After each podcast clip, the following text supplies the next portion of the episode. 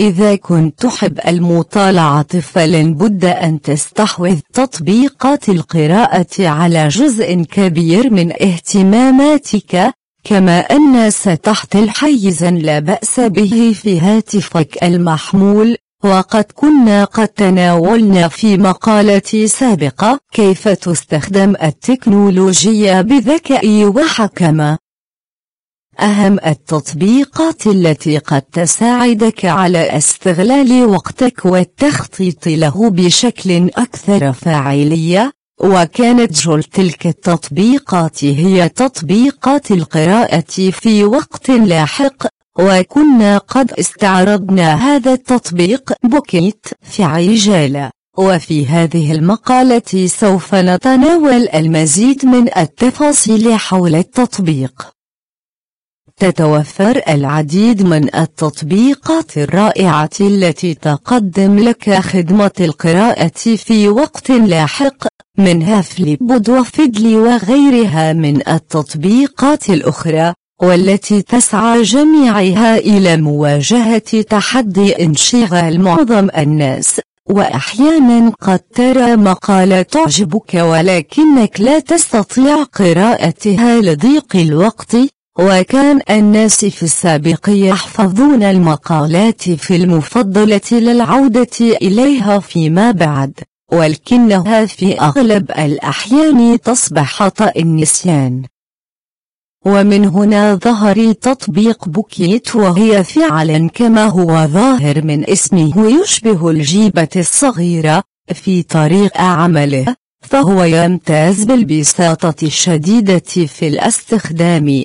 كما أنه متوفر على جميع المنصات تقريبا. فلديه برنامج على ويندوز وتطبيقات على أندرويد و iOS وأيضا إضافات على متصفحات كروم وفايرفوكس وسفاري وغيرها. كما يتواجد حتى على أنظمة تشغيل حديثة وأخرى باتت قريبة من الانقراض مثل ويبوز وسمبيان وغيرها من المنصات الأخرى كما أن هنالك شراكة مع بعض التطبيقات لتوفير ميزة الحفظ في الخدمة من خلالها وأشهرها تطبيق كروم وفيدلي وشخصيا أستخدمه كثيرا لا سيما في الحافلة فالوقت أثناء التنقل بالمواصلات العامة ضائع لا محالة لذا لما لا تستغله في القراءة.